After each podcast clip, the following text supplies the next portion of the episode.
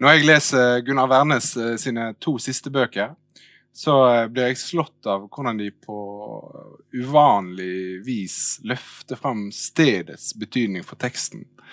Stedet både i tid og rom. Gunnar Wærnes skriver mye om språkene og menneskene som fins rundt han.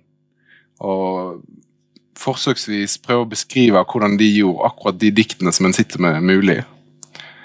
Og jeg tenker at han, eh, han bedriver det som gjerne kalles for refleksivitet. Han vender blikket mot sin egen posisjon.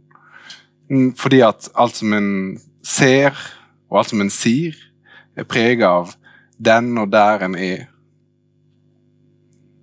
Og, sier, og han sier at disse innsiktene, dette språket, disse diktene, de er mulige her fordi jeg er her nå. Og så tenker jeg også samtidig at dette er en bevegelse som eh, kanskje mange skrivende skyr unna. Kanskje fordi de innbiller seg at det er begrensende. At diktene må streve etter noe universelt eller noe partikulært. Men alle dikt oppstår i ett liv, i én tid, på ett sted. Og ti år etterpå så ville akkurat de diktene vært umulige. Gunnar Wærnes debuterte i 1999 med diktsamlingen 'Kongesplint', som han ble tildelt Taja Vesaas debutantpris for. Og i de vel 20 årene siden så har han kommet med en rekke diktsamlinger. 'Takk' i 2002, 'Hverandres' i 2006, 'Bli verden' i 2007, 'Tungen og tåren' i 2013 og 'Venn med alle' i 2018. Og en eller annen gang før høsten 2020 så bestemte han seg for å gå gjennom sitt eget forfatterskap som en arkivar. Og samle sammen tekster og skisser og fotografier. Eh, og sette sammen eller skrive eller lage det som skulle bli i boka. Å skrive er å be om for mye. Og dette er en utgivelse som, eh, som ikke ligner som ikke ligner grisen, som ikke som ikke ligner noen, en, eh, noen vanlig diktbok, i hvert fall. Og som dokumenterer et liv som kunstner og som forfatter i, i, i 30 år. Altså og lenge før debuten, selv om det ikke er så mye som er før debuten, så, så er de eldste tekstene går 30 år tilbake i tid. Uh, og For et år siden så inviterte vi Gunnar for å komme hit og få snakke om denne boka. Men pga. korona altså disse her Ja, dere vet hva korona er. Det trenger vi ikke Det trenger vi ikke gå inn på, tror jeg. Så vi ikke har fått det med dere, så ja, det var ut... Så jeg rukker å lage bok til i mellomtida. Nei, det var det som var mitt neste poeng. Men, mens, mens vi har venta på at Gunnar kunne komme hit, så har han, så han skrevet og gitt ut en ny diktsamling som heter Ta på Jesus. Kan ikke du vise din denne omslaget? Eh, så nå, endelig, så skal vi snakke om den tjukke boka, og skrive er å be om for mye, men òg denne mindre boka, 'Ta på Jesus'. Gi en varm applaus til Gunnar Ernes.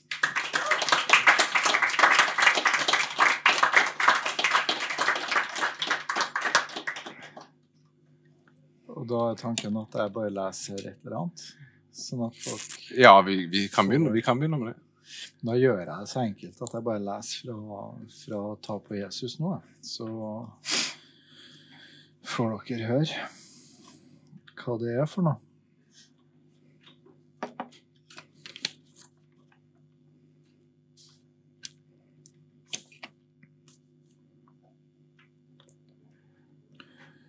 Da begynner jeg med Jesu fang. Og da er det sånn at det her er altså parafraser på et uh, middelalderdikt som opprinnelig ble skrevet av Arnulf van Leuven. Og så har det blitt uh, triksa og fiksa litt med av Dietrich Buxtehude som et oratorium eller en hymne i 1620-40 noen ting. Og så har det blitt senere splitta opp i små salmer også som har blitt popularisert både på svensk og dansk og andre språk. Så.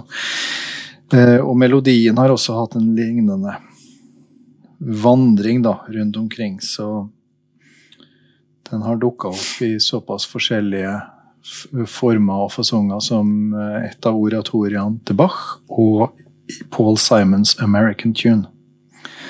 Så her er vi inne i mix and match-territoriet, hvor man lytter til andres kunst, og så lager man egen kunst av det. Og da tenker jeg å begynne midt i og leser Jesu fang. Jesu side er det vel. Latus heter det på latin, da, originalt. Så det er vel der han ble stukket, antar jeg. De tenkte på da det ble skrevet. Det nakneste i verden er naturen når den klær av seg åker og eng, fruktkjøtt og frø, godvær, styggvær og mennesker, hør. Det nakneste i verden er sola, som klær av seg varmen og lyset, og dager og netter og mennesker. Det nakneste i verden er navlen, det blindeste øyet, den stummeste munnen som sladrer. En gang var du festa til et menneske, menneske. Utstøtt, utsatt i menneskeskogen, uten svar, uten ord, navnløst sjøsatt på menneskehavet, uten båt, uten årer, to pinner i kors til skue, hengt på skyfri himmel. Det nakneste havet klær av seg båter og bølger og klatrer på land og forfølger det nakneste dyret, det dunkleste fyret, fisken på kroken, det guleste løvet, det vektløse støvet, den beinløse slangen, syr uten fingre med sikksakk på ryggen, en verden for slanger, i ermene på jakken, i beinet på buksa, en knute rundt halsen, de nakneste klærne, revne og blotte, skremte skjeletter av sømmer og tråder, hengt for for å tørke, ingen tør følge den nakneste lampa i nakneste mørke, all makt må føye seg, bøye seg, uten klær, på scenen, i krigen, i skuet, på korset, i skaden, i fryden, i leken, smake på steken, ete fra kniven, Guds egen mat, liksvøp og kluter, kledd opp i rødt pusten som slukner, gapet på liket. Verdens knusteste fat og kopp i grava, så sulten, så bunnløs og øde, et ansikt som stråler og våker over din drepteste kropp, min Gud, min Gud, nå må du stå opp, opp fra de døde.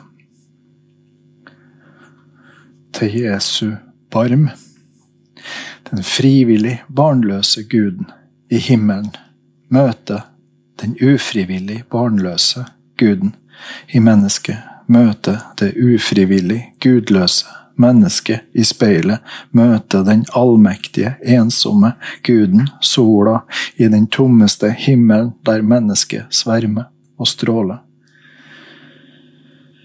Der far har en far og en farfar, mor har en mor og en mormor der sønner har sønner og døtre døtre, men Gud har ingen Gud som sola, ingen like som månen, ingen make, ingen annen måne skinner for månen, ingen annen sol for solen. Planetene har bare mennesket skinende med sitt eget, ene ansikt for sola, for månen, om natten, om dagen. Gud har bare menneske. Har du noen gang tenkt, Gud, at du kan la deg føde nederst i den orden som du sjøl har skapt, i støvet, som et menneske, med hakke, spade, klubbe i skogen som et dyr, med klør og skarpe tenner, åpen kjeft som lukter all din skrekk der du sist ble sett tvunget ut i åpent terreng på leiting etter vann? Som alle andre unger trengende foreldre, søsken, himmelretninger for hjertet, kan du ikke ordløst gå og lete etter ordet. Kan du ikke kravlende på alle fire finne mat. Kan du ikke hente verden til deg gjennom ordet, sånn som du kan i dag. Ditt rene åsyn, allmaktesløst, på jorda, fallende alluvitende overalt, som snø ditt rene åsyn ropende på omsorg uten hjerte til å bry deg om andre enn deg sjøl. Sånn er starten på et menneske. Sånn er livet i en kropp før du har lært sansene å kjenne. Hele kroppen lagt igjen som pant i det hvitutstrødde himmelriket. Støvet tvinger deg med allstedsnærvær til å ta imot omsorg fra et dyr som snakker, og snakker for å lære deg å snakke, og fortelle igjen og igjen du er et menneske. Fordi du kan snakke og fortelle og tro at en brann du tenner i språket, lar seg slukke i språket. Kan du si det til dyret som tente fyr på skogen, og bare kunne slukke med sin egen melk?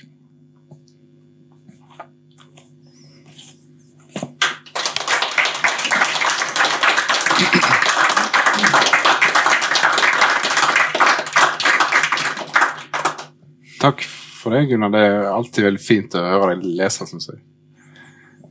Den boka her, hvis den skal Hvis vi skal begynne å, å prøve å si litt om, om, om, om hva bok det er altså Det er jo en, på mange måter en underlig bok.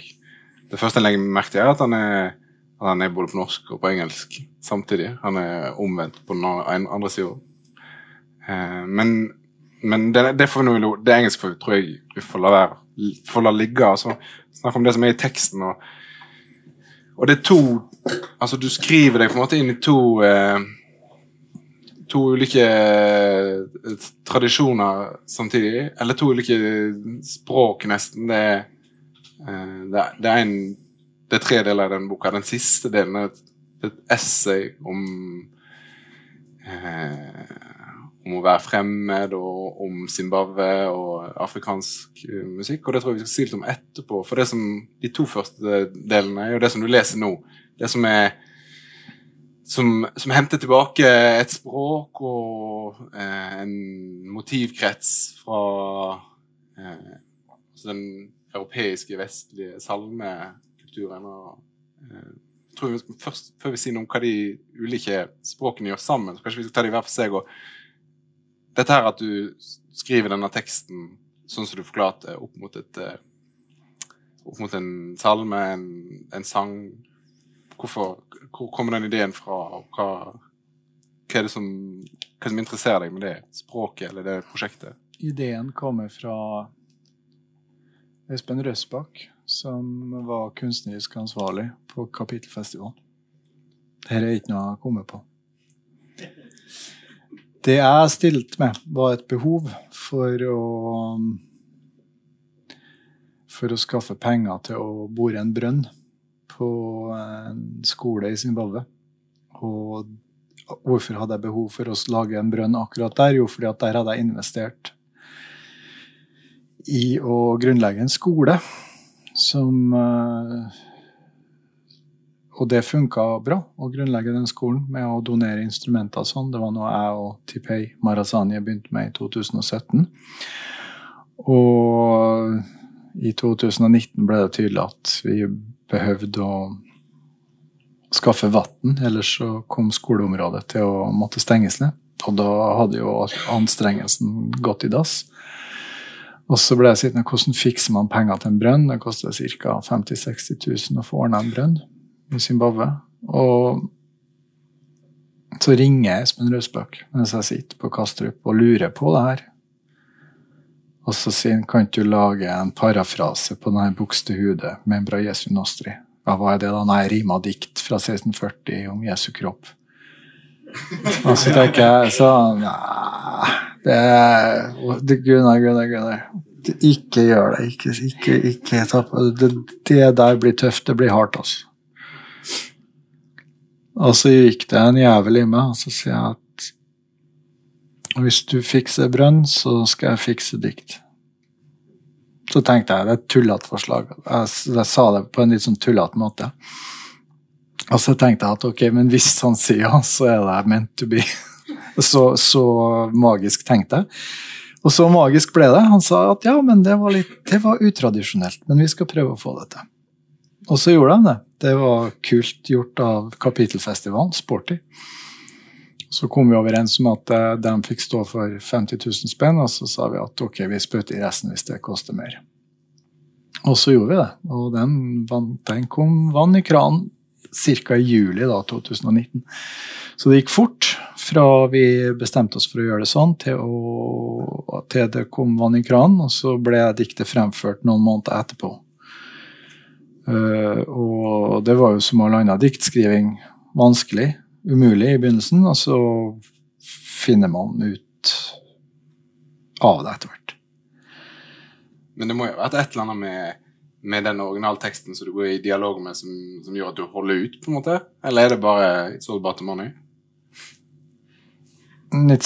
Ja, på et vis er det all about the money. Men uh, pengene er jo symbolsk fordi de representerer oss en mulighet. Og samtidig så skaper pengene får en viss farge, da, kan man si, av at man gjør det på den måten. Pengene får en annen verdi av at, man, at jeg fra begynnelsen av hadde bestemt at de skulle bort. Jeg skal ikke ha dem. Det er noen andre som skal ha dem. Det skal brukes på noe annet. Og da jeg, er det en sånn kompleks vektskålsvekting som pågår der mellom ulike verdier, ulike muligheter, ulike hva jeg sitter, sitter, på med, eh, sitter på for ressurser, og hvordan det å skrive i en norsk kulturøkonomi, det, hva det kan brukes til, og hva det kan, det, hva det kan bety. Og så det året så hadde jeg som sagt prøvd jeg da å åpne opp for en annen måte å tenke økonomi på. da, En annen type kunstnerøkonomi der jeg liksom tok på meg alt som kom blesende min vei. Og, og det var kjempebra. Det var lærerikt og utrolig givende.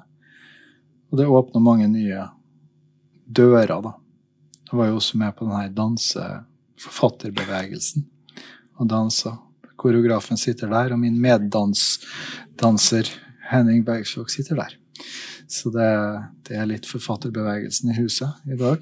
Men det var også en av det Der kjørte jeg også pløyd ned alle pengene i det der prosjektet her. Det er jo, en, eh, det er jo gitt ut som en, som en diktsamling, men, eh, men denne historien som du forteller nå, eh, Hvis en skulle telt antall sider, så er det kanskje mesteparten av eh, utgivelsen. Tenker du at det er kjernen i dette prosjektet? Det å, det å eh, sånn som du sier nå, å ta et kritisk blikk på, på kanskje det kapitalismen i Skandinavia, eller hva dine penger som poet går til, eller hva nytteverdi kunsten har. Er det det som er mer enn de Jesusdiktene, så er det den, altså denne rammene rundt som er, som er kjernen, tenker du? eller? Nei, det, jeg tror ikke jeg har én kjerne, jeg tror det har flere kjerner. Og den her pengeøkonomien, den, den har jo også noe okkult og magisk over seg. Og mm, den måten pengene bestemmer over livene våre på,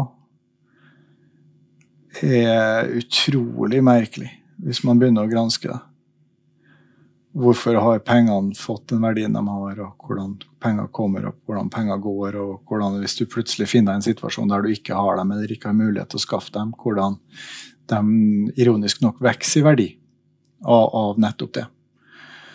Og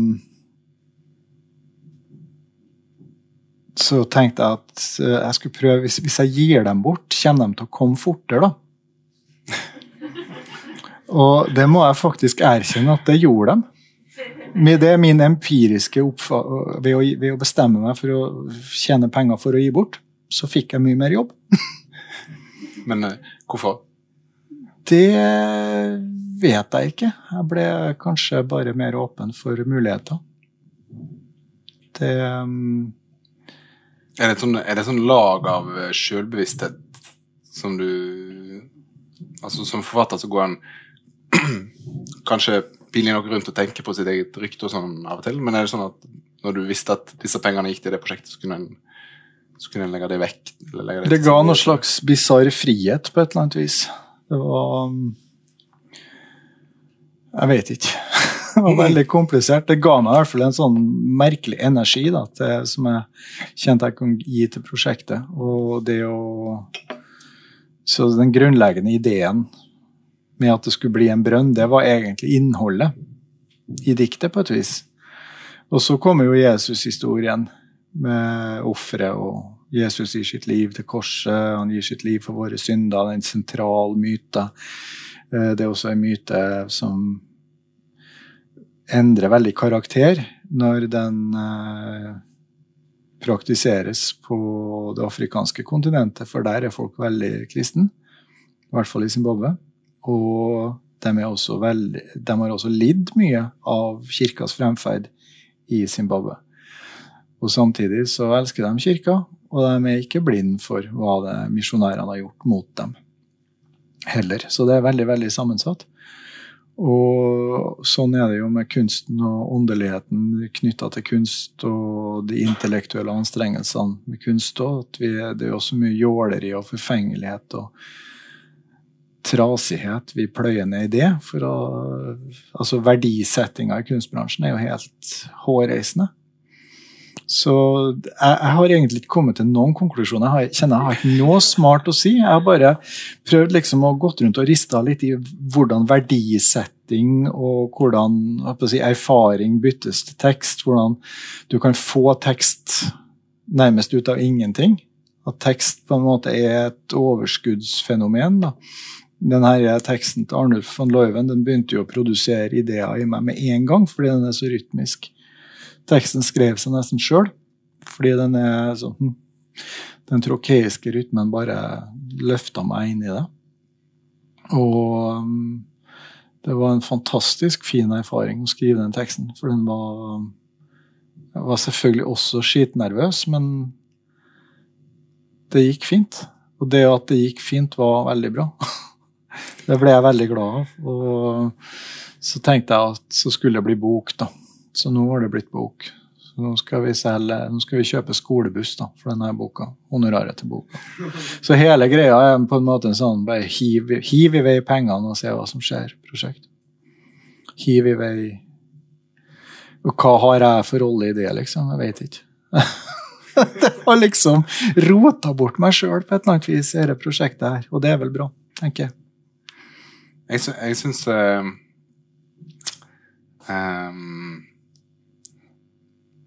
Altså, det, altså det, Jeg merker, jeg merker det, det er lettere å snakke rundt rundt altså, disse, altså den historien i Zimbabwe-skolen. og Lettere å snakke om selv den Jesus-teksten. Men hvis jeg skal prøve liksom å, å, si noe om den, så, uh, så var jeg veldig, jeg var veldig usikker på hva som skulle møte meg, for dette tittelen kan jo nesten virke komisk. På norsk i hvert fall. Ta på, ta på Jesus eller noe. Men, eh, eh, men teksten i seg sjøl er kanskje Ja, altså, nå er nok du Du er nok en mer du er nok en, kanskje en mer eh, alvorlig poet enn brød og esel av til kan gi uttrykk for. Men, men altså det, mm. det kommer sånn alvor med det å gå inn i, i, i, i eh, Bibel, Jesus, språket, da, som er Kan du si noe om hvordan du opplevde det i skriveprosessen? Det, eller opplever du, eller opplever du sånn i sjøl i hele tatt at det er mer alvorlig enn de At det kommer til alvor med å bruke den Jesus-myten, og heller enn andre myter som, har, eh, som du har brukt tidligere i forfatterskapet? Ja, det bibelske alvoret er jo det kan man jo analysere for seg, fordi at det, med, det har jo mange tusen år med tradisjon bak seg. Og den metaforikken som poetene som skrev Toran, brukt, har jo overlevd til den dag i dag. Så det er en tradisjon som er ca. 6000 år gammel, i hvert fall. Så det er gammelt språk som er levende og brukt den dag i dag. Og for oss så er jo det med salmene vært en sentral ikke bibelsk, men likevel kirkelig tradisjon, som er enormt mye med Peter Dass og salmetradisjon og sangtradisjon som kommer ut av det. Det er mye folk da, i den korpuset som har tatt i tatt i Jesus, for å si det sånn. Og dem kommer jeg jo i berøring med umiddelbart. Og, og, det er et sånt språk som vi har internalisert. altså Det kirkelige alvoret er noe vi alle sammen har internalisert i veldig veldig høy grad. Og det er sikkert noen som kjenner på en viss ambivalens når de si, sitter på bussen og, og, og, leser bok som ser ut sånn. For da tenker man jo umiddelbart på noen som har kommet med sånn kristen hårfrisyre og kristne briller og kristen dressjakke som er kneppa på en kristen måte, har sånne kristne ekkosko. Og så spør har du hørt om Jesus, og det er gjerne skarre her, og, og, for det, og kommer liksom i hele bedehuset på nakken. Alle har en eller annen sånn følelse av at her er det en mann som prøver å fiske etter fritida di, og sånn, forsøke å fylle stillheten din med tanker du kanskje ikke har lyst til å ha. Og den, det trykket der er jo ganske Det er et potent trykk, da. For det er litt kleint og litt pinlig, og, øh, og det er fortsatt øh, Da jeg var snakka om det her på Lillehammer for noen dager siden, så ble det jo snakka om liksom, Georg Johannessen hadde sagt et eller annet uh, om Jehovas vitner, at han brukte å spørre dem om de hadde lest Bibelen, eller noen ting sånt. Og jeg ser jo for meg hvilken blanding av forakt og hvilket snerr han gjør det med, liksom. Så ser jeg for meg den stakkars Jehovas vitnen står i gangen til Georg Johannessen og blir, uh, står der og liksom bare kjenner og adrenalinsvetten bryter ut da, på ryggen. Så, så denne typen folk, da, den litteraturen jeg har lest som ungdom, er full av repressive prester og dårlige oppvekster som har blitt ødelagt av uh, religiøst gruppetrykk og sånne ting. Alt det der klinger med. Religion er jo makt. Og det um, Og kirka er makt, og kirka er en organisasjon. alt det dumme og stygge kirka har gjort, er det Jesus' skyld. Ja, nei, vet ikke. Altså, det er Jeg, jeg, jeg kjenner at sannheten bare glir unna her. Det finnes ikke ei sannhet. Det her er liksom masse. Jeg kjenner jeg har tatt meg vann over huet. Det er pinlig at jeg ikke har noe smart å si. Eller at jeg kjenner jeg burde ha tenkt over hva jeg, burde, hva jeg, skulle, hva, hva jeg skulle, si. Jeg burde ha hatt en plan før jeg kom hit. Ja, nei, det, det, Jeg tror det er min jobb egentlig å ha en plan.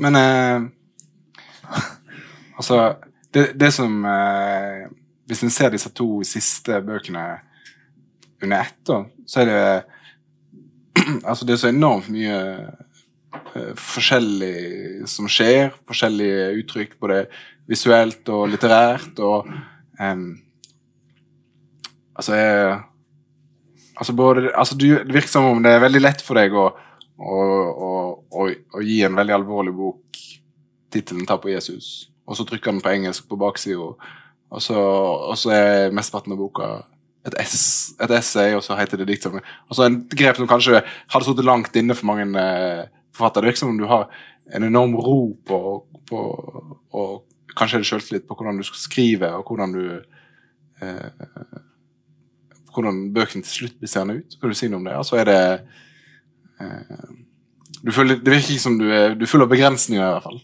i forhold til skrivinga di. Så jeg skjemmes jo litt over å komme på en sånn tittel som 'Ta på Jesus'. Det var jo sånn, så, Nei, come on. Det var vel litt drøyt, liksom. Men samtidig så må den boka nesten hete det. For at den er, det er så Den derre teksten til Bogstadhodet Eller unnskyld, til, til, han Arnulf von Leuven som skrev den på 1200-tallet. Det er jo nesten 1000 år siden. Den er jo øh, Så Gud vet hva han egentlig ville med den teksten da han skrev den, men det er jo helt åpenbart et brennende ønske om å få ta på Jesus som ligger i den teksten. Som vi virkelig tar på. Så du kjenner liksom på en måte gjennom versene at han, han lar liksom fingrene gli over Jesus. Det er langt over grensa for hva jeg vil karakterisere som erotisk, da, den berøringa. Ja, for det, altså, den, det, teksten går gjennom hele kroppen til Jesus. Ja, ja, det er liksom Jesus' kroppsdeler, da. Og det sier Jeg mener, jeg kommer i kontakt med et syn på kroppen som ligger i, i det diktet. Det kan man si. Det ligger en kolossal ømhet i liksom først er Jesu føtter. Han begynner nederst. Så jobber han seg oppover til Jesu knær. Og så glir han liksom ut til Jesu hender. Og her, og her, nå, her sånn, nå, flirer folk i 21. århundre ikke sant? fordi vi er så opptrent å tenke koffert, ja. som vi kaller det i Trøndelag. da. At liksom det skal veldig lite til. Det skal være veldig rar tut på etekene for at ikke vi skal begynne å tenke koffert. Og, det, og så fortsetter en da til Jesu side. Og så er det Jesu brystkasse, og så er det Jesu hjerte, og så er det Jesu ansikt. Jeg har fått Malta. Jo, det er syv deler. Hender. Jesu hender, ja. ja. Det er der man tar turen ut fra knærne til hendene. Så det Ja, vi kan si at for oss så, så er det litt tomt i midten der, men den ømheten den er um, absolutt ikke seksuell på noe sett og vis. og det er heller ikke, Man opplever heller ikke at det seksuelle eller det erotiske ved Jesu kropp er fortia eller bort, borttrylla. Det er bare at det er ikke der. På den samme måte. Det er liksom naturlig å la blikket gli fra knærne til armene og til hendene, og så tilbake igjen på overkroppen i det diktet. Og der ligger det et slags kroppssyn som jeg opplever er det samme måten man nærmer seg til et barns kropp eller en, en, en eldre slektnings eller en syk kropp som behøver omsorg, og en um, kropp som bare behøver berøring, fordi berøring er i seg sjøl noen ting som er helbredende. Og det ligger i det diktet veldig, veldig sterkt. Og jeg visste jo ikke at jeg, jeg, bare gikk ut ifra at når jeg går til en sånn tekst, så kommer jeg til å finne noe. Og det var det jeg fant. Jeg fant den, der, den omsorgsfulle berøringa. Og den ønsket om, om, nærhet. Og det er den, det er den som ser Jesus, som har behovet for å bli helbreda av den nærheten. Og alt det her med kirka og kolonialismen og hva misjonærene har gjort i Syd-Amerika og Afrika, det har Ingenting av det der hadde skjedd da Arnulf van Lauven skrev denne teksten. Og det hadde jo skjedd mye annet rart, selvfølgelig. Men uh, det Fordi den historien er så lang, så går det liksom ikke an å sette seg her og ha et sånt perspektiv på den. Det er en tekst som sprenger perspektiv. Du må stille deg på flere plasser for å hele tatt ha noen slags sjanse til å finne noe som ligner på en fyllestgjørende utsagn om hva det er vi ser på. Mm. Og jeg kjenner meg sånn total forvirring over å skulle sitte her og representere de valgene som på en måte stikker nesa si ut av det her stoffet. Fordi at det er så mange andres stemmer også som slår gjennom i denne teksten. Og det er jo det jeg vil også med å skrive om de religiøse og de åndelige og de musikalske tradisjonene i Zimbabwe.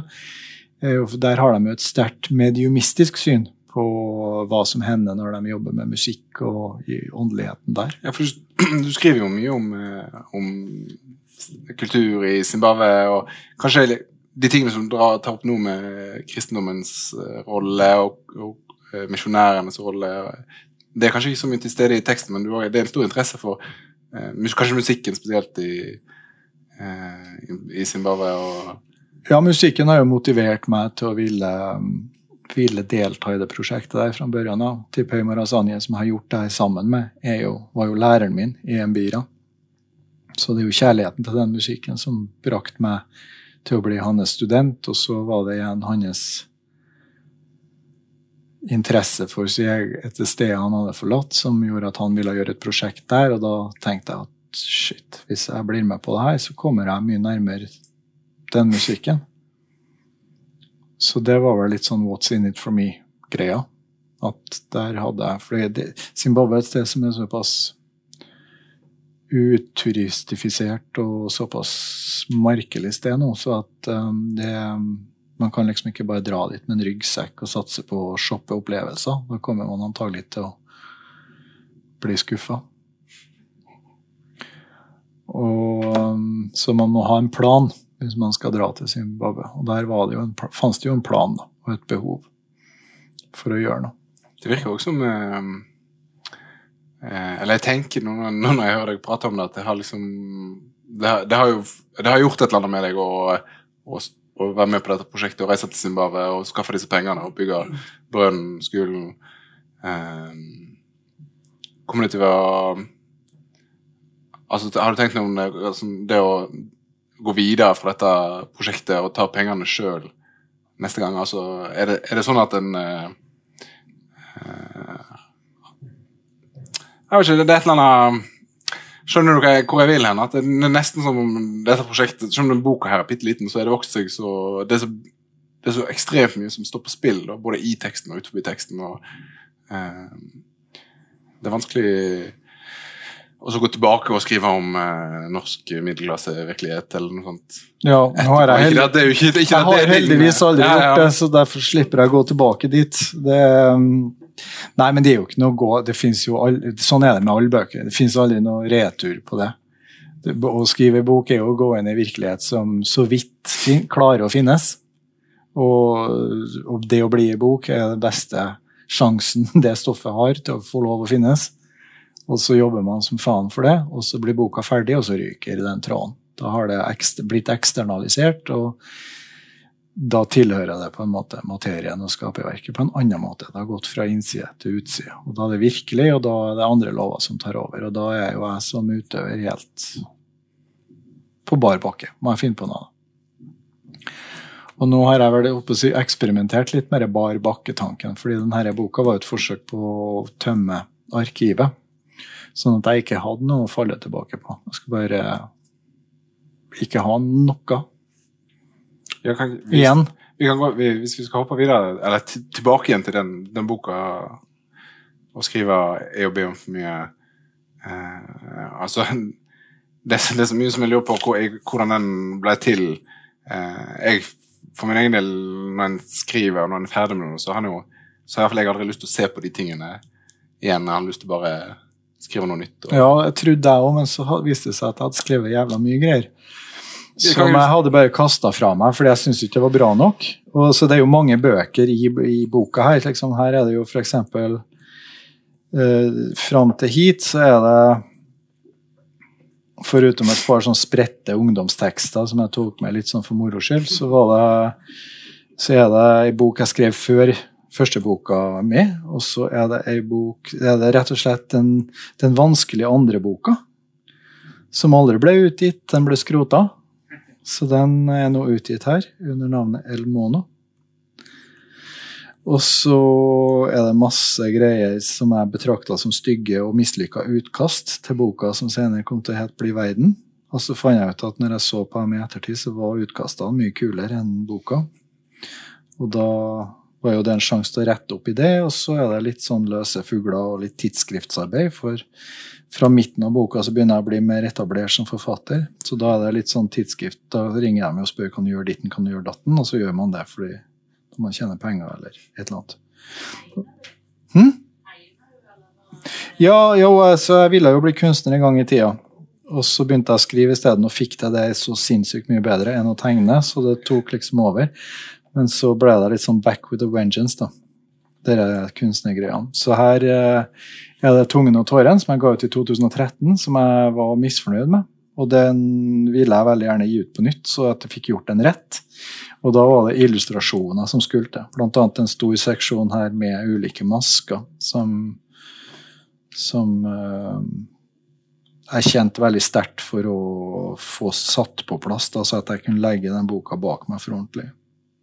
Var det bare et gledesarbeid, du, eller var det bare glede når du gikk tilbake og så i arkivet ditt? Var det bare ting du tenkte at her er jo Fy faen, for en bra fyr jeg Ja, er. liksom. ja, det er sånn Nei.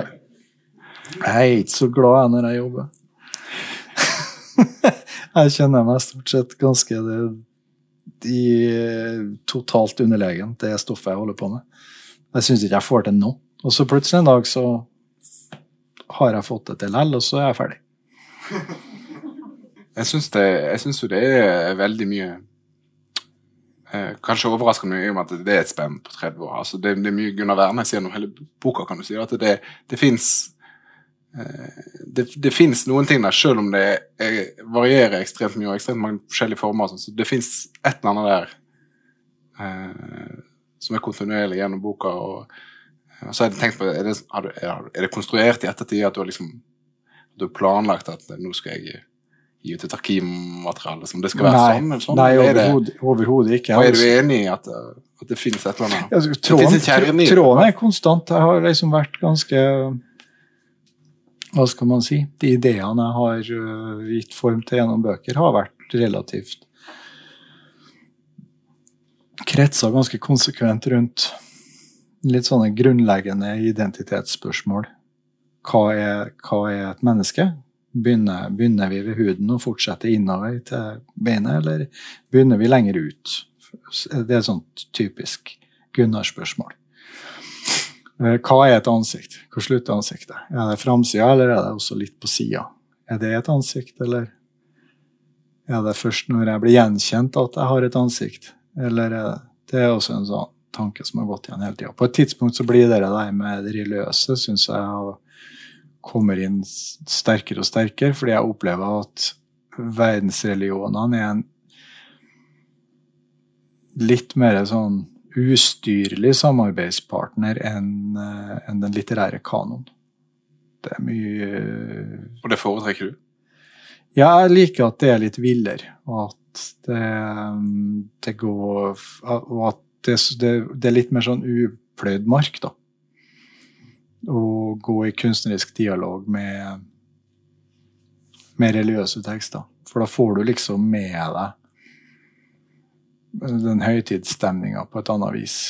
Den der, at, at litteraturhistorien, at Litvit på en måte fremstår som en veldig stor grad ganske sånn sekulær sammenstilling av stoff dekker nok litt over at veldig veldig mange av de tekstene som den litterære kanon består av, har blitt det i en eller annen form for åndelig sammenheng da, av forfatteren, eller den har blitt brukt åndelig på ulike vis.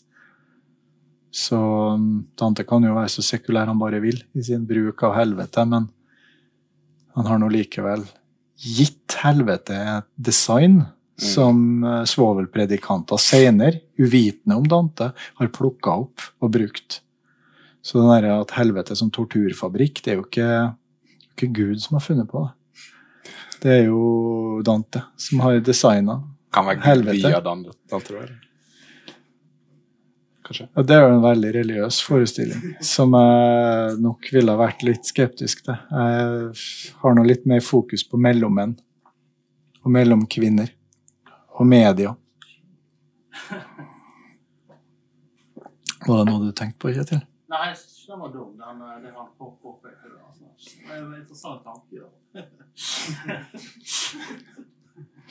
jeg syns det, det, det, altså det er nesten sånn eh, eh, det, er veldig, det er vanskelig å si eh, masse om, om den bok, fordi at den er, altså, det er så mye på gang. Så hvis du skal si noe som gjelder for hele boka, så blir det fort veldig overfladisk. Men, men det er veldig interessant altså det er tre bøker som du har markert ut liksom, i innholdsvis mm. som, som, som, er egne bøker i boka. Mm. Og Den ene er den som du som du nå eh, omtalt som den vanskelige andre boka, El Mono. ja. Som jeg, som jeg syns er virkelig høydepunkt for meg i denne eh, eh samlingen her. Eh, og som òg Altså, den bruken av eh, essayistikk der ligner jo altså Det gjør at den, det er den delen av ditt forfatterskap som ligner mest på å ta på Jesus. Tenkte jeg nå mm. etterpå når jeg leste de eh, sammen. El Mono lå jo ikke i den posen som jeg fant den i, sammen med det essayet. Det essayet var jo etterstilt. Det kom jo til i 2002-2003. Og da var det altså noen år etterpå. Men Kan ikke du si litt om den, den, den boka? i, i El Mono var jo Jeg satt i Bulgaria og skrev den. Jeg bodde i Bulgaria i mange år. Og det var jo et sted som forandra seg mye, og var i krise. Økonomisk, sosialt, politisk, åndelig. Total Hva de kaller det på norsk? Total oppløsning. Og det var altfor mye for meg å ta innover meg og forstå. Så jeg satt nå der og hakka på mine egne dikt om det lyriske jeget og alt det der. Og så syns jeg at diktene var utilstrekkelige, spinkel, feil, dum, huff, æsj. Og bare la det til side. Og så skrev jeg et essay om hvor, hvor, vanskelig det hadde vært å bo der den gangen. Uten å liksom gjøre for stort nummer ut av, ut av det. Bare forsøke å skrive ned for min egen del hva slags erfaring jeg hadde gjort. Og ikke noe av det jeg skrev, var i stand til å matche den, den iblant uhyggelige stillheten som kunne være i gatene her, eller den iblant fullkomne mangel på trygghet og verdighet som folk der opplevde. Sånn at hele prosjektet bare gikk i skrot, fordi det var, jeg si, virkeligheten hadde skremt, skremt meg til å holde truten. Det var bare sånn Jeg gir meg. Det her er verre enn det, det overgår min kapasitet. Det var første gang jeg hadde bodd i utlandet, og det var første gang jeg lærte meg et fremmedspråk på plass. Og sånn. Og det var konstant overveldelse. Og kjempebra å gjøre. Jo det var jo den beste utdannelse jeg, jeg noensinne kunne ha fått. Men det ble litt for mye, da. Og det syns ikke jeg den boka nådde opp til det i det hele tatt. Og den er dessuten skrevet på et tidspunkt av det å, være, å skrive politisk og skrive so, sosialt våken poesi, det var skikkelig ute. Det var teit. Mm. Så det er et veldig tidspunkt som er veldig ulikt den, det paradigmet vi står i nå. Og så det at jeg hadde skrevet et dikt som skulle leses opp imot en politisk kontekst som de fleste nordmenn ikke hadde den fjerneste anelse om, det satte meg sjøl i en ganske sånn håpløs situasjon. Og det klarte jeg altså ikke å rette opp i før nå. Så når jeg fant det essayet, jeg fant de diktene, så kikket jeg på som en farsken. Hvis jeg legger inn det essayet mellom diktene, og så fant jeg noen bilder av jeg hadde tatt av nabolaget der jeg bodde, så fikk jeg det på en måte til å henge opp det, som et slags fotoalbum med en slags minnesbok da, av hvordan jeg hadde hatt det der i Circum Sarium 2000-2002 i Bulgaria. Så det høres eh, Det er nesten litt sånn utrolig at eh, du får det til å høres litt sånn sammenraska ut nå, men det er altså den altså, altså den klippinga mellom essene og diktene og bildene og Det er en utrolig nerve, da. i det. Redigering er jo også en veldig viktig del av det å skrive. Og det som jeg, den gangen så kunne jeg jo skrive. Jeg kunne jo skrive en setning, men jeg var dritdårlig på å redigere. Det var jo en jobb jeg hadde satt bort til en redaktør. Og jeg visste jo ikke i det hele tatt hva som var Men du viste det aldri til en redaktør? Nei. Nei. nei det var Det der var Det var eh, Guri Botheim, som også er poet. Og hun gikk på litteraturvitenskap og ville forske på utkast. Og så ved en tilfeldighet så hadde hun fått eh, tilbud om å jobbe med et manus der det var bytta ut åtte setninger på 200 sider. og. Så hun kjente hun var helt sånn øh, Hovedfagsoppgaven min har gått i dass. Ideen jeg hadde. Ja, men du kan, du kan ta boka Takk, fordi jeg har en kasse på ca. 700 sider. Så lå det der eh, manuset til El Mono lå inni der. Så det var hun som sa at det var, men her er jo ganske bra, og det har jo ingenting med takk å gjøre. Jo, jo, det er førsteutkastet til takk, sa jeg. For jeg tenkte at det var det. Men det, der hadde hun rett, og der tok jeg feil. Så det er viktig med folk utenfor. De ser ofte deler av en sjøl som man sjøl ikke ser. Så og dere ble jo brukt som modell da, for å ta på Jesus, for det der var jo en tekstlig erfaring jeg gjorde i fjor da jeg satte sammen denne boka. Da skjønte jeg på en måte da, liksom 20 år etter skrivinga av El Mono. Da het den bare Mono. Og da skjønte jeg på en måte at ja, men det stedet jeg skrev denne boka på, er så viktig for de her diktene at jeg er nødt til å nedfelle stedet på ordentlig i boka, sånn at folk skjønner at jeg har skrevet her på et helt annet sted. Jeg har ikke skrevet her på en studenthybel i Bergen eller uh, fra et rekkehus på Heimdal eller uh, sittende i Oslo. Jeg har ikke det. Jeg har skrevet en helt annen plass. Og det er en helt annen virkelighet som må inn i settinga for at det skal være mulig å verdsette at diktene er som de er. Og så gjorde jeg egentlig det samme med tap av Jesus. Ja, At jeg så på Det var veldig fint å få bekreftet at de henger sammen. ja men, de det, var- ja, men det er helt én til én. fordi at her var det liksom satt jeg med kanskje 25 sider veldig, veldig sånn hymniske og, og, og åndelige tekster som hviler på kirkelig grunn. Og så tenkte jeg men hvorfor har jeg skrevet den boka? Jo, for at jeg har vært i Zimbabwe og gjort det vi gjør der. Og så tenkte jeg hvis jeg forklarer det da, i, bak i boka, så blir det mer lettere å forstå Den har jo, det altså, andre. ta, på, ta på Jesus har jo både et, en forklaring i forkant og det essayet som forklarer Ja, den har et forord. Altså, den er veldig sånn pedagogisk. Ja, den har et forord, forord, og så har den et hva Andres etterord. ja.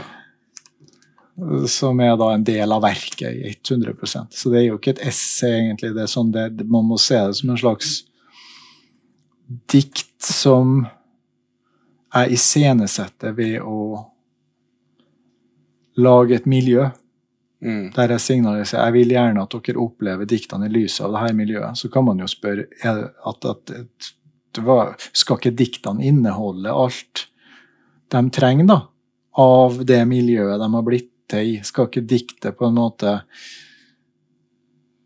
Skulle Olav Nygaard vært sosiologisk spesifikk med hvilken leiegård han hadde andatt hull i isen på den gangen, eksempel?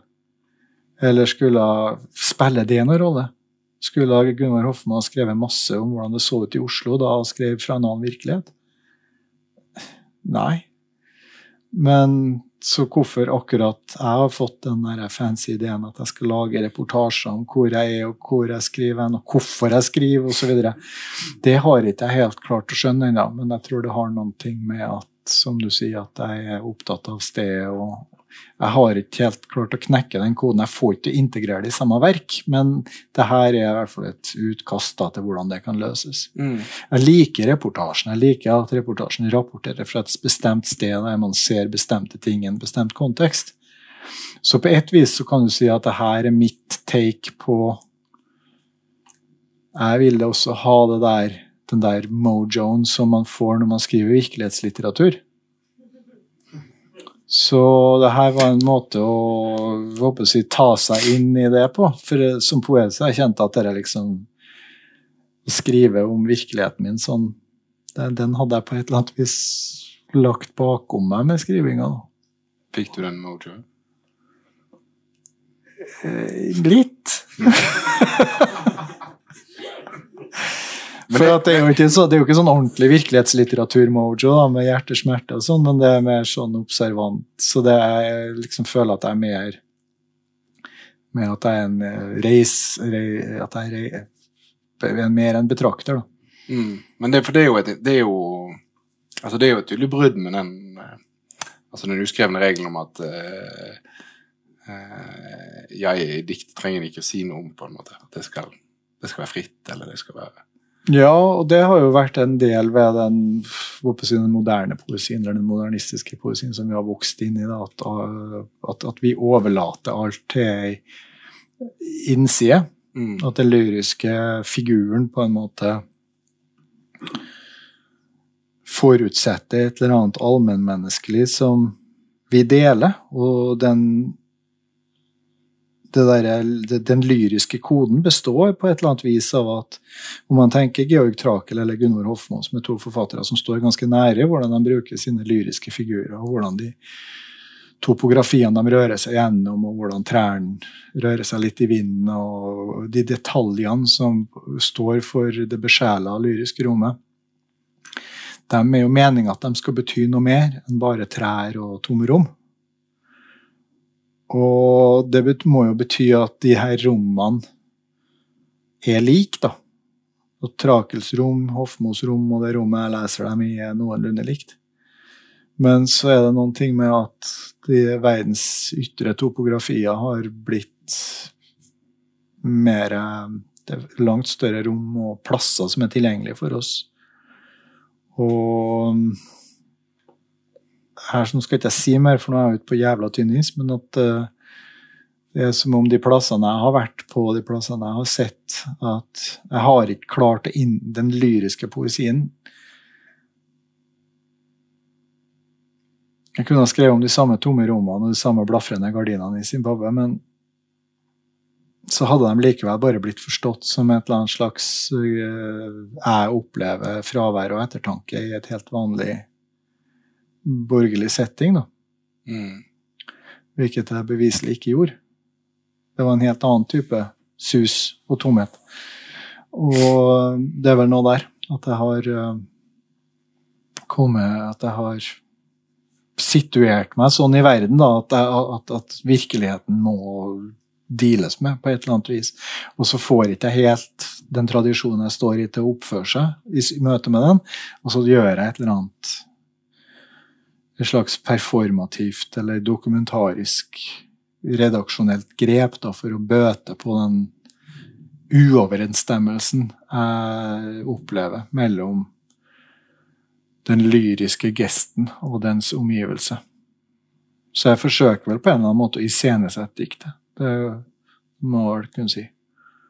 Ved det å ha en sånn faktadel, da. Det ja. en veldig interessant inngang, altså.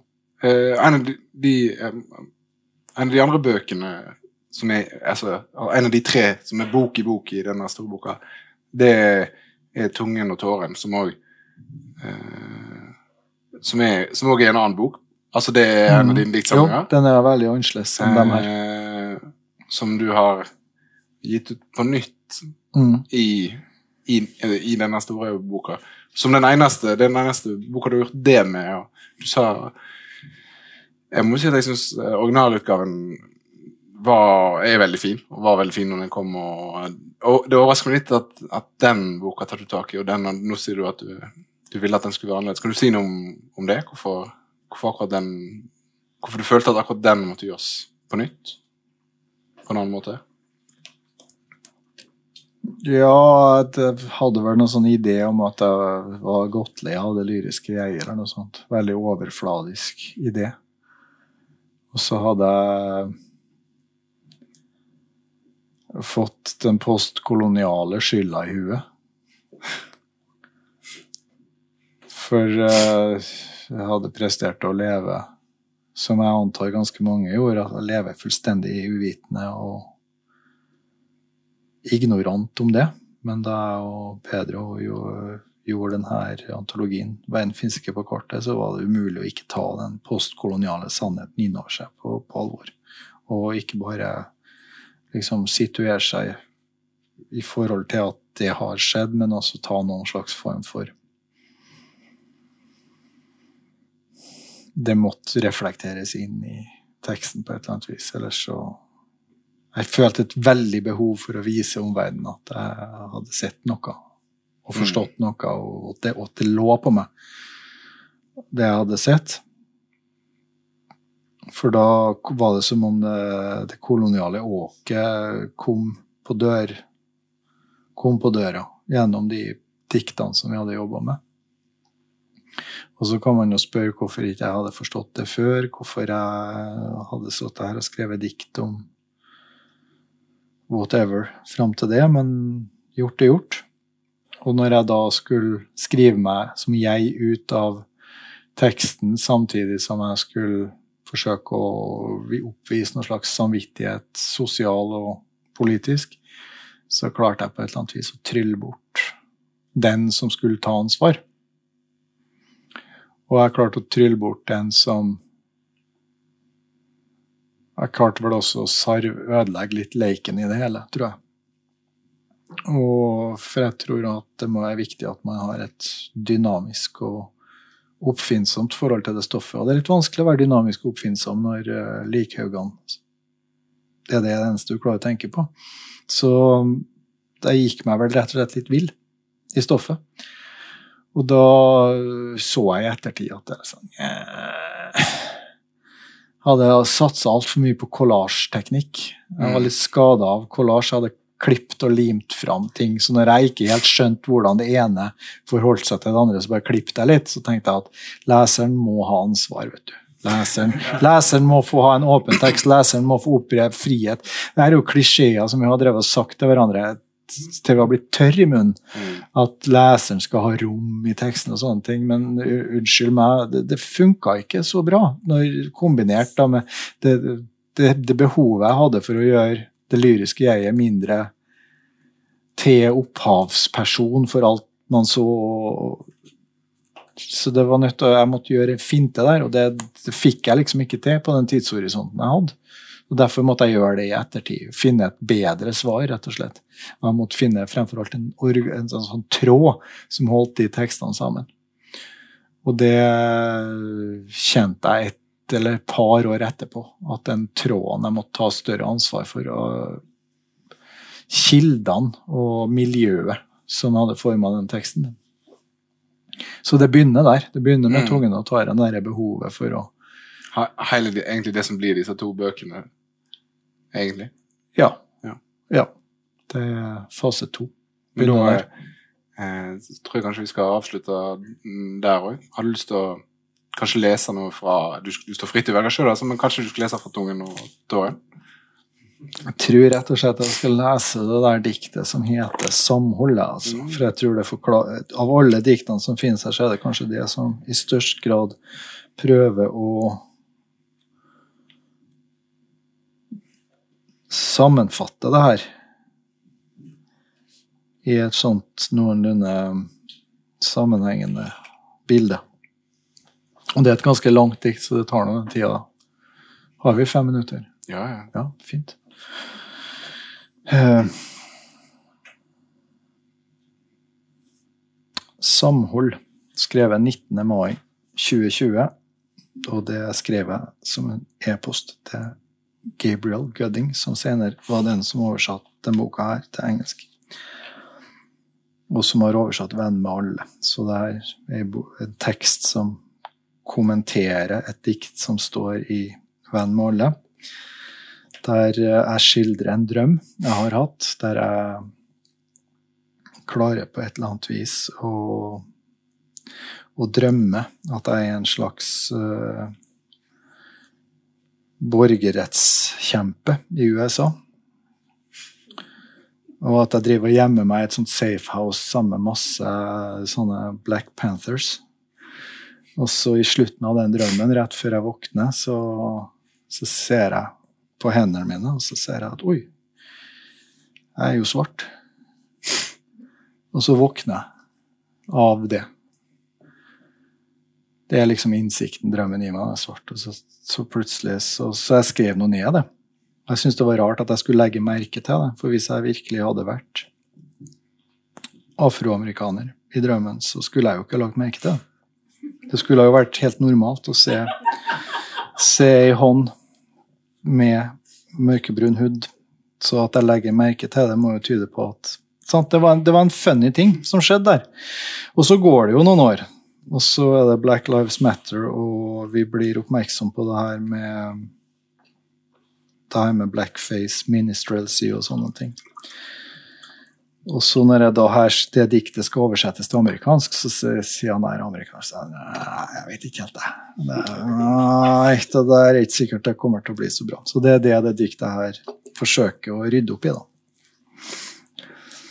Noen år senere forandrer min amerikanske oversetter ordet black til abject. Og mens vi sitter på Skype og finstiller diktene, forsøker jeg å rette han tilbake. Det står ikke objekt, sier. Det står black. Svart. Som når James Brown synger I'm black and I'm proud. Han sier ja da. Jeg forsøker bare å redde skinnet ditt, for når du sier at du er svart der på slutten av det Jesus-diktet, så kommer det til å klinge surt for visse folk her. Og jeg spør hvorfor, men jeg vet jo hvorfor. Jeg spør hvorfor, men jeg fortsetter å snakke. Jeg ser jo hva det ser ut som. At jeg kler meg i skinnet til et svart menneske og dikter et blackface minstrel-show, og det er helt på trynet at min trygge kropp kan skjule seg i en utrygg kropp. Og at det lar meg vinne en innsikt der andre har mista livet. Det er en ihjel-identifisering, der den liksom glupe dikteren liksom har styringa, og demonstrativt kan bli hvem han vil i herre og andre diktsamlinger, og dermed ta heltens plass er mange heltenes plass i denne og andre historier. Men denne historien er en drøm, sier jeg. Den er nedskrevet sånn som jeg drømte den, for det var ikke jeg som var helten, jeg bare så gjennom helten sine øyne. Først så jeg gammelonklene mine, som ikke på noe vis var helter, men som faktisk fantes. Deretter så jeg han der Paraguay-Jesus, som var en helt, men som er oppdikta. Og så var det Aigi, som var en helt for poeter og tsjuvasjere, fred med han. Og så var det Eva, som oversatte hele Bibelen, og fortsatt leve. Og til slutt borgerrettsaktivisten, som er redd for å bli drept i et såkalt safe house, i et såkalt feil nabolag. Han eller hun også oppdikta. Drømmen antyder at striden deres også var min strid, at hud og strid er ett og samme. Men nå, mens vi er våken, så ser jeg at altfor mange ting her på jorda blir tvunget inn i formen av en såkalt personlighet, som forsøker som alle andre å lage en helt av sitt eget flagrende støv, og koste sammen sine ulike fjes til ett og samme drømte ansikt igjen og igjen, og derfor prestere enda en gang å spise hele verden i forsøket, fordi drømmer er ikke rimelig eller rettferdig, de er malerier, malt rett på øyet, ansikter malt på ansikter, og verst av alt, navn skrevet over navn, fordi drømmer kolonialiserer. Jeg sa til Gabriel folkene vi antar kommer til å reagere på at hendene mine ble svart i drømmen. Det er de siste folkene jeg har lyst til å fornærme, men jeg ser også, Gud forby, hva de kan komme til å se. Jeg reagerte også, og jeg syntes det var merkelig allerede i drømmen, for jeg skulle da vitterlig ikke lagt merke til at jeg var svart, om jeg virkelig var svart. And I wrote this in English to clarify, to clear my name, this American English. I speak it too. Why, you might wonder. Not as good as you, but I speak it too. Sometimes we need to speak, even if we aren't super good at speaking. Good night. Thanks a lot. See you soon. Senere på natta, i tretida, så tenker jeg på hendene mine igjen. Løfta opp foran ansiktet mitt i drømmen som noen sin baby jeg får holde for første gang. Jeg må ha løfta hendene fordi jeg var redd, fordi jeg leste i ei bok en gang at om du blir redd i drømmen, så skal du løfte hendene dine i drømmen og se på dem, for da kan du begynne å gjøre ting istedenfor å bli gjort ting med. Det er sånn du tar kontroll over skrekken. Og det er sånn jeg forsøker å karre meg over til rettsida av historien, guest-starring som utsatt, og jeg lurer fortsatt på hva som hadde skjedd om jeg hadde blitt skutt oppi vinduet der i drømmen. Hadde jeg dødd som svart, eller bare våkna som hvit, eller fått en leksjon i å dø som svart, eller en leksjon i å våkne som spragla, og aldri mer, aldri mer få slippe å forklare hvem jeg frykter, tror og drømmer at jeg er, sånn at jeg bare må fortsette å våkne sjøl om jeg er våken, og derfor fortsette å spørre og spørre om alt. Hvem sine hender har jeg sett mest? her i livet, bortsett fra Sofia sine. Jo, det må være Embira-læreren min sine. Tipei Marasani, musiker, lærer, prest og komponist fra Zimbabwe. Så neste kveld forteller jeg til Gabriel om alle gangene jeg har stirra på Tipei sine hender for å lære meg sang etter sang etter sang og at jeg skal spørre Tipei, for vi skal treffes og spille i kirka på tirsdag. Jeg må fortelle ham om drømmen og høre hva han har å si. Og jeg sa Moshawi, som er hans lemba-navn, som betyr jeger. Jeg har et problem.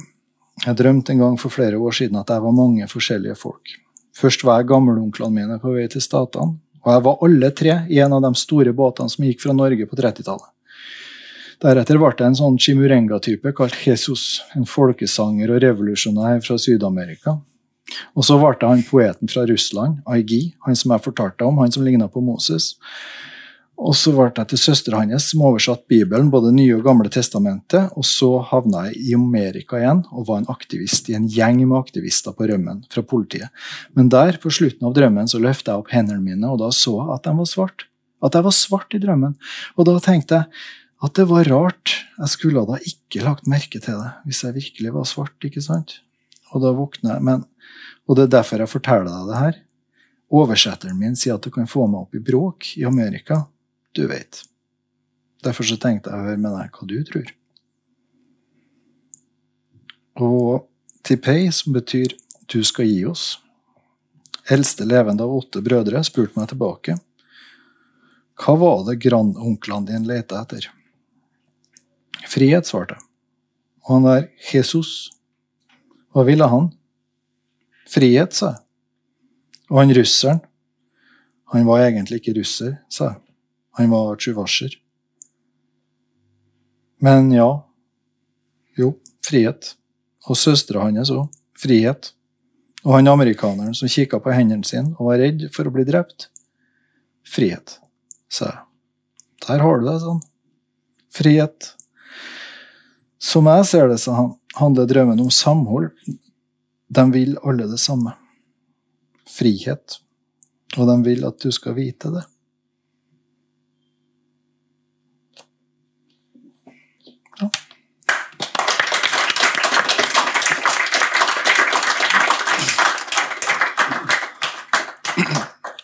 Da må jeg bare kort eh, få takke deg for at du kom, Gunnar. Eh, og så må jeg si at eh, dette arrangementet er sponsa av Vestland fylkeskommune og Litteraturhuset i Bergen. Og eh, at eh, vi er tilbake igjen i januar. Da skal vi ha et arrangement om eh, poesien til Taja Vesaas og Hallis Moren Vesaas. Så vi ses da.